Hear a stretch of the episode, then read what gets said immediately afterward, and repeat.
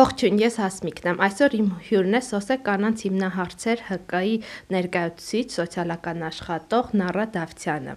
Նարան կներկայացնի ընտանեկան բռնությունը Սյունիքում որի շրջանակում կատարել են հետազոտություն 2020-21 թվականի դեպքերի հետ կապված։ Խնդրեմ Նարա Շնորհակալություն Հասմիկ ջան, շատ ուրախ եմ, որ այսօր քո հյուրն եմ եւ մենք առիթ ունենք խոսելու այն թեմայի շուրջ, որը որի շրջանակներում երկար ժամանակ է արդեն աշխատում ենք, համագործակցում ենք նաև ձեզ հետ։ Ուրեմն, ինչպես բոլորս գիտեք, եւ դուք առավել եւս 2020-2021 թվականներին սոցիալական հիմնարարցեր հասարակական կազմակերպությունը աշխատանքի եւ սոցիալական հարցերի հետ համատեղ իրականացնում է ընտանեկան բռնությունը ընտանեկան բռնության ենթարկված անձանց ծառայություններ ծրագիրը եւ Սյունիքի մարզում այդ ծառայությունները մատուցում է Սոսե կանանց հիմնարարցեր հասարակական կազմակերպությունը անվճար տրամադրում ենք սոցիալական, իրավաբանական, հոգեբանական ծառայություններ, ինչպես նաեւ կատարում ենք անհրաժեշտ ուղղորդումներ Սոսե կանանց հիմնարարցեր հասարակական կազմակերպությունը Սոցիես փորձագիտական կենտրոնի հետ համատեղ իրականացրել է հետազոտություն Սյունիքի մարզում ընտանեկան բռնության դեպքերը։ Հետազոտությունը իրականացվել է ԱՄՆ դեսպանատան ֆինանսական աջակցությամբ եւ ունենք բավականին հետաքրքիր ցուցանիշներ հետազոտությունում հիմնականում շեշտը դրվել է բռնության աշխարհ դրվել է բռնությանը որտեղ որ իրականացվում է աշխարհագրության, բռնությունը ըստ սոցիալ-տնտեսական պայմանների, առողջական վիճակի, հոգեբանական վիճակի, կրթական ցենզի, մինչ բռնությունը եւ բռնությունից հետո տրավմատիկ եւ հոգեբանական այլ գործոնների հիման վրա։ Այստեղ շատ կարևոր թվեր կան, իմ համար շատ ակնառու էր մի թիվ, որի մասին ուզում եմ խոսենք, որովհետև տարբեր վիճակագրություններ, նույնպես ձեզ մոտ կար 59%, եթե ճիշտ եմ հիշում, որ բռնության ենթարկվածների, այո, 59%-ը, 59 թե 51 վայրկյան ֆիզիկական բռնության մասին։ Ֆիզիկական բռնության զոհերը զոհերը հիմնականում կանայք են հանդիսանում։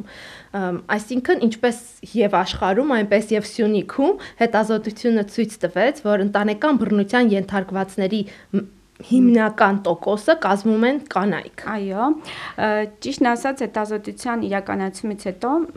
մեր կազմակերպություն դիմեցին ընդհանրապես երկու արական սեռի ներկայացուցիչներ։ Դա չէ, բնականաբար այդ թվերը չեն ընդգրկվել, որովհետև մինչ այդ էր ցուցանիշները, բայց հիմնականում, ինչպես եւ ամբողջ աշխարհում, այդպես էլ Սյունիքի մարզում բռնության զոհերը, բռնության բռնության ենթարկված անձինք կանայք են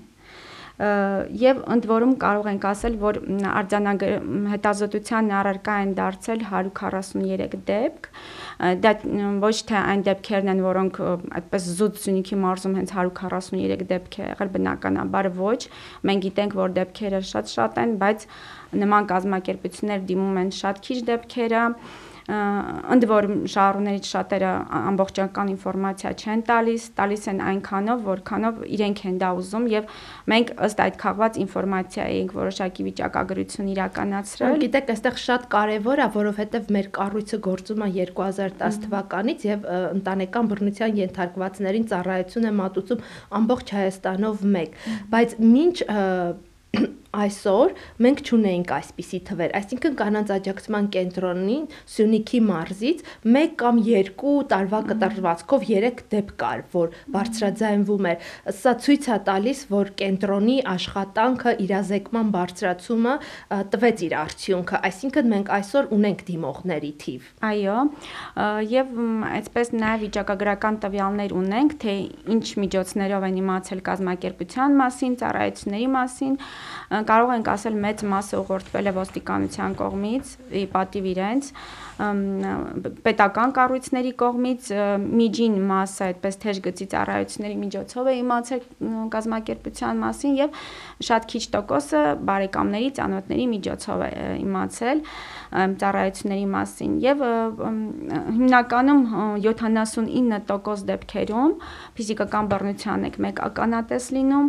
86 դեպքե տոկոս դեպքերում տնտեսական բռնության եք ականատես լինում եւ բնականաբար էլ 100% դեպքերում արկա է հոգեբանական բռնություն Եվ քաղաքների հետ էլ կապված ունենք հետաքրքիր վիճակագրություն, օրինակ դեպքերի մեծ մասը տեղի ունեցել Կապանում, հետո Գորիսն է, Սիսյանը եւ Մեղրին ամենակիչ դեպքերը։ Գիտեք, այստեղ պետքա նշենք, որ աշխարհը գրական առումով էլ Գորիս, քանի որ կենտրոնը հա։ Գորիսում է հենց գտնվում եւ կենտրոնին մոտ են ավելի կապանը, քան մեղրին, բնականաբար այստեղ հասանելիության հարցել կա, որ մարդիկ հաճախ չեն կարողանում խնդիր ունեն։ Մանավանդ պատերազմ, իդ լիքը խնդիրներ կային, ընդ որում բայց յուրաքանչյուր տարածաշրջան տարբերվում է այսպես բռնության ձևերով օրինակ Սիսիանում բավականին շատ են սեռական բռնությունները եւ ինքնասպանության հակվելու մտքեր ունեցող զոհերը Սիսիանում ավելի շատ էին կապանում օրինակ ինքնասպանության մտքեր հայտնողները կամ այդպիսի տրավմատիկ վատ իրավիճակում կամ ինքնապաշտպանության դիմողների թիվը ավելի քիչ է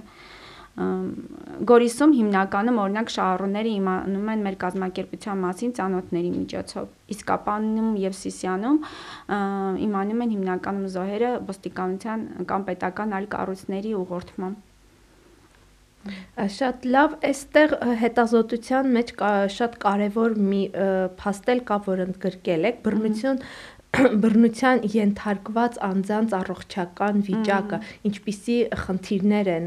ունենում, ինչպիսի խնդիրներ ունեն առողջական եւ շատ հատկանշական էր, որ թիվը նևրոտիկ խնդիրների, այսինքն նյարդային խնդիրների, նյարդային առողջական, հոգեկան առողջության խնդիրների առումով շատ բարձր էր։ Սա ցույց է տալիս, որ այ ընտանեկան բռնության ազդեցությունը, տեսեք, գլխացավեր, անքնություն եւ այլը շատ པարզ ակնհայտ էր, որ կանայք խոսել խոսել են դրա մասին։ Այո, նրանք նույնիսկ ինքնաբերաբար այդպես ոչ ուղղորդված են դրա մասին նշում, նույնիսկ իրենք արդեն մինչ առողջական իրավիճակին անդրադառնալ հենց խոսքի մեջ նշումներ անում են, մեծ մասամբ ունենում են տրավմատիկ, նևրոտիկ բնույթի խնդիրներ, գինեկոլոգիական բնույթի հիվանդություններ, շատ քիչ դեպքերում նաև սիրտանոթային խնդիրներ, բայց հիմնականում զոհերի թիվ 1 նշած խնդիրը դա բռնությունից հետո գլխացավերն են, գլխապտույտներն են, շատ դժվար կողմնորոշվել է ախորժակի կորուստը եւ նմանատիպ հոգեբանական խնդիրները նույնը օրինակ բռնարարների դեպքում որպես առողջական խնդիրներ ունեցող մենք ճիշտ է դա ոչ բոլոր դեպքերում է դիտարկվում որպես առողջական խնդիրներ բայց 56%-ի դեպքում արբեցողություններ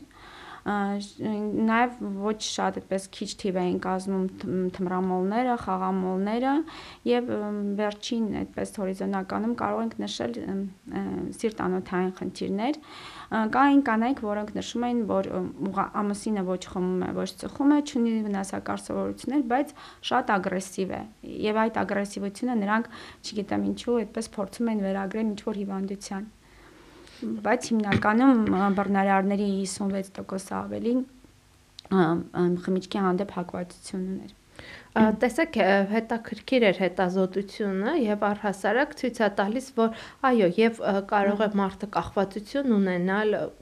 ալկոհոլից, թմրանյութից, ինչը ավելի սրացնում է իրավիճակը, առիթ է դառնում, բայց նաև ցույց է տալիս, այո, բայց կան որ չեն օգտագործում եւ ընտանեկան բռնության խնդիրը շարունակում է մնալ։ Այստեղ շատ դաժան մի փաստ կար, որը անմիջապես իմ աչքին, այսպես ասած, խփեց, որովհետեւ ցույց է տված, որ մարզում 52.3%-ը բռնարարների դաժան են վերաբերվում ընտանի կենթանիների uh, ընտանի կենթանիներին ավելի շատ այստեղ ոչ թե կենթանիների հարցադրումը հիշում եք այդպես էր ընտանի կենթանիներին կամ զոհի իրը փչացնելու սիրած իրը ավելի շատ կենտրոնացել ենք սիրած իրը փչացնելու որովհետև այդ շատ-շատ մեծ տոկոս էր իրոք կազմում հեռախոսներ այնտեղ զարդերն էին նման պարագաներ որպիսի զոհին ինչ որ ձևով վնաս տան այդպես փորձում էր հսկողական վարքի դրսևորում էր եւ այս ցուցանիշի բարձր լինելը հենց ահազանգ է մեր համար որ վտանգի աստիճանը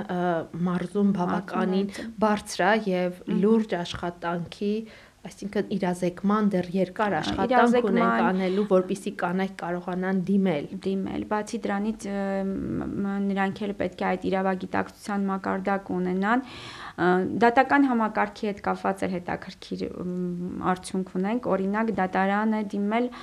հիմնականում ավելի շատ միջին մասնագիտական կրթություն ունեցող մարդիկ են դիմել եւ բարձրագույն կրթություն ունեցող մարդիկ այդպես միջնակարգ կամ թերի կրթություն ունեցող անձիկ հիմնականում երևի խուսափում են դատական համակարգի հետ որոշակի գործ ունենալուց այդ նաև մի թիվ ամուսնաընտանեկան կարգավիճակի հետ կապված, քանի որ աջակցման կենտրոններին կարծրատիպային հասարակությունը թիրախավորում է կառույցներ, որոնք քանդում են ընտանիքներ, բայց փաստացի վիճակագրությամբ ցույց է տալիս, որ ամենաբարձր տոկոսը կազմում է չգրանցված ամուսնությունները։ Սա էլ խտրական խտրական վերաբերմունք ասեմ ընտանեկան բռնության դրսևորումներից մեկն է, ինչ որ միտեղ կարող տնտեսական բռնության մեջ դասել, որովհետև հիմնականում տղամարդիկ չեն գրանցում ամուսին ամուսնությունը, որ հետագայում կինը որևէ տնտեսական պահանջ չունենա ընտանիքից։ Այս փաստը շատ ակնհայտ է եւ ի վերջո կենտրոններն իրենց գործունեությամբ երևի ամենակիչն են, որ դիմում են դատարան ամուսնալուծության հայցով այո հիմնականում խնամակալության հետ կապված հարցեր են լինում օրինակ մեզ մոտ ամուսնալուծության հետ կապված քիչ են խնամակալության հետ կապված հարցերն են հիմնականում ժամանակատար եւ այդ հարցով են հիմնականում դիմում գույքի բաժանում Այսինքն հիմնականում երեխայի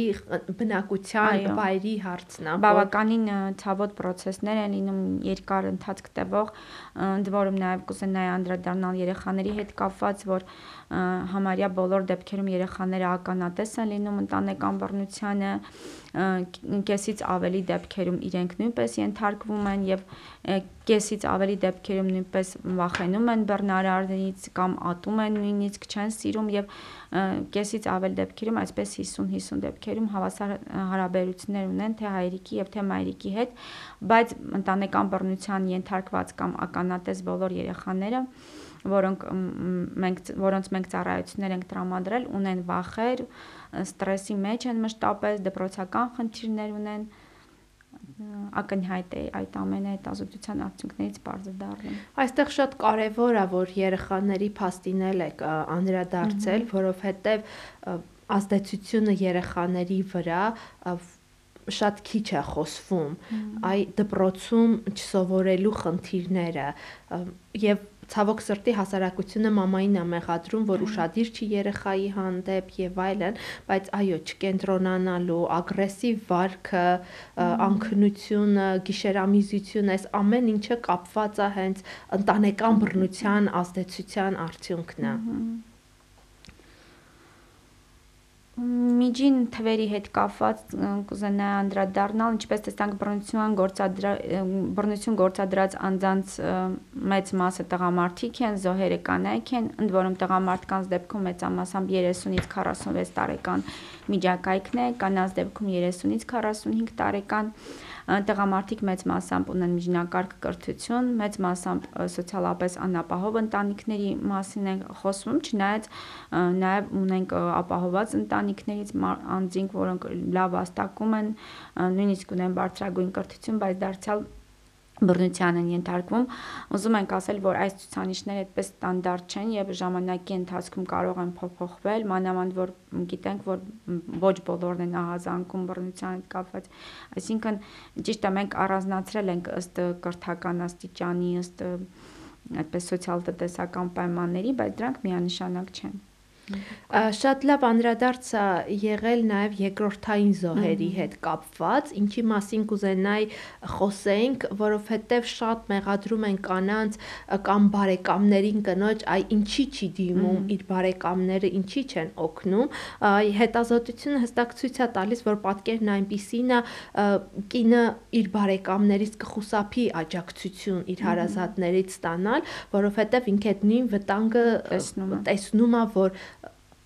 եղբոր կարող է վնասել, մորը կարող է վնասել, ինչը ձեզ մոտ թվերով շատ ակնհայտ ցույց է տալիս, թե երկրորդային զոհի կարգավիճակում նախ ծնողներն ծնողներն են, ծնողներն են, եղբայրը, դա արդեն եղբայրը, քույրը, զոհի քույրը, զոհի եղբայրը, զոհի ծնողը, որովհետև առաջինը թիրախավորում ընտանեկան բռնության պարագայում բռնարարը այն մարդկանց, ովքեր ուզում են աջակցություն ցույց տալ։ Եվ շատ կարևոր մի հետաքրքիր փաստել կա հետազոտության մեջ, որը որտեղ նշված է այ երեխա ծնողները ինչքանով են խոսում երեխայի հետ ընտանեկան բռնություն երևույթի մասին, ինչին իրենք ականատես են լինում, որովհետև հաճախ մենք փակում ենք այդ թեման երեխայի համար, մտածելով պաշտպանել, պաշտպանում ենք երեխային դրանով, ինքը չտեսնի, չլսի, չիմանա, բայց փաստացի ինքը տեսել է, ինքը այդ իրավիճակում է, լսել է, միգուցե քնած է ձևացել կամ կողքի սենյակում լսել է ձայները եւ մենք ինքներս մեր համար ենք մտածել, որ չի լսել, բայց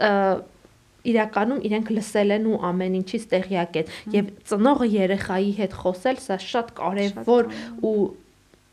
ճիշտ հմտություն է, որ մենք կարողանանք այ բռնության ենթարկված անձանց այ սովորեցնել, որ շատ կարևոր է խոսել երեխայի հետ ընտանեկան բռնության երևույթի մասին։ Եվ կուզեի մի փոքր այդպես ավելի ագրեսիվ բռնության ձևերին անդրադառնանք։ Սյունիքի մարզում հիմնականում այդպես խեղտելու, սպանելու, վնասելու կամ բուտ գործիքներ օգտագործելու դեպքեր ավելի շատ գրանցվել են Սիսիանում Գորիսում եւ Կապանում համեմատաբար թեթև դեպքեր են եղել եւ անհետաձգելի միջամտությունը հիմնականում ավելի շատ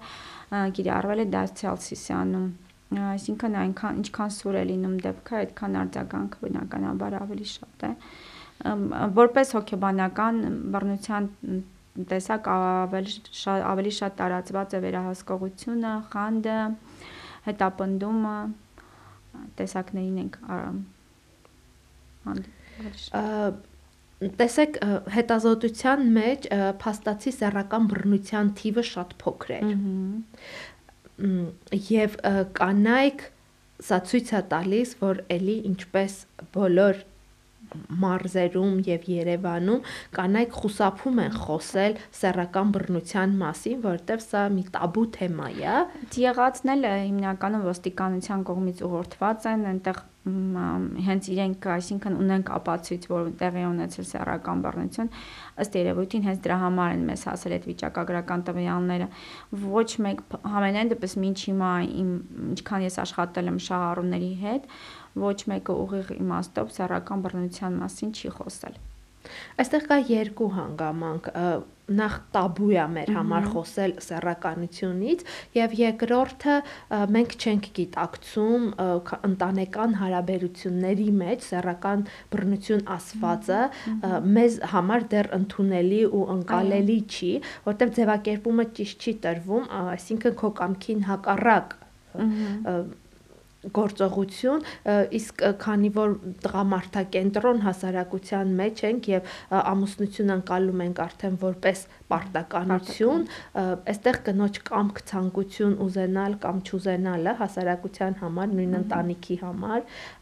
մեկ այլ հարց է, որտեղ կինը ստորադասված է եւ իր ցանկությունները այդքան էլ առաջնային չի, այդ ընտանիքով ղեկավարումը նա էլ պիտի որոշումներ կայացնի եւ ցանկություններ ունենա, ինչը հետազոտությունը հստակ ցույց տվեց, որ սեռական բռնության մասին, այո, կանայք խուսափում են խոսելու։ Եվ նարաջան պիտի խնդրեմ ամփոփելով հետազոտությունը, ինչեր ինչ տվեց հետազոտությունը պատկերը ընդհանուր մարզում։ Արդեն ասացի, հետաքրքիր վիճակագրական տվյալներ պատկեր ենք ստացել, բայց եւս մեկ անգամ կարող եմ ասել, որ սա ամբողջական չէ, սա 100%-ից տվյալներ չեն կարող համարել, որովհետեւ նախ շատ քչերն են դիմում, երկրորդը ինֆորմացիան մեզ ամբողջովին կարող է հասանելի չլինել։ Ամեն դեպքում ունենք խնդիր, եթե երկու տարվա կտրվածքում նորաբաց կենտրոններ են եւ 143 դեպք արդեն կա գրանցված, ուրեմն մեծ է խնդիրը, մեծ է ֆիզիկական բռնության, մեծ են ֆիզիկական բռնության դեպքերը եւ ոստիկանության կողմից նույնպես ահազանգերը շատ են Այդ իսկ պատճառով նաև պետական քաղաքականությունը պետք է որոշակի բարելավի, բարեփոխվի, դատական համակարգը պետք է բարեփոխվի եւ բնականաբար սա ընդհանուր աշխատանք է եւ միայն աջակցման կենտրոնները իրենք իրենցով չեն կարող այդ լայն պետք է բոլոր կառույցներն իրար հետ սերտ համագործակցեն, որպեսզի բռնությունը իսպառ վերանա։ Այստեղ շատ կարևոր կարևոր այո պետական համակարգի քաղաքականությունը, պետական կառույցների մոտեցումը ու այստեղ պետքա նշենք մի կարևոր փաստ. 2019 թվականին աշխատանքի եւ սոցիալական հարցերի նախարարությունը գնաց այդ քայլին եւ կանանց աջակցման կենտրոնի հետ կնքեց հուշագիր, որի շրջանակում պետք էր վերապատրաստվեին մարզերում կենտրոններ, հասարակական կազմակերպություններ, ովքեր կստանային դրամաշնոր նախարարությունից եւ կշարունակեն իրենց գործունեությունը, ինչը շատ կարևոր, շատ կարևոր քայլ էր, որովհետև այսօր մենք 10 մարզերում ունենք կենտրոններ եւ շարունակաբար 2019 թվականից մինչ այսօր շարունակվում են վերապատրաստումները կանանց համար արդեն ավելի հասանելի է դարձել ինչպես ես նշեցի Սյունիքում եթե մինչ այսօր մենք շատ քիչ թվեր էինք արձանա արձանա գրում այսօր մենք ունենք հստակ ցուցանիշ եւ պատկեր, որ կանայք դիմում են։ Նույնը վայոց ձորում, երբ որ տարիներ շարունակ մենք ունենք 0 ցուցան ցուցանիշ, իսկ այսօր իշնորհիվ այնտեղի աշխատել, աշխատող ՀԿ-ի շնորհիվ մենք ունենք արդեն շատ բարձր թվեր որի արդյունքում որի այսինքն նախարարության աշխատանքը ցույց տվեց մեզ, որ հասանելի ծառայությունների դեպքում եւ իրազեկման դեպքում կանայք այո կան եւ կբարձրաձայնեն ընտանեկան բռնության մասին։ Այսքան Նաիրա ջան, շնորհակալ եմ հետաքրքիր հետազոտությունը ներկայացնելու համար։ Նմբանապես Հասմիկ ջան, ձեզ նույնպես շատ շնորհակալություն։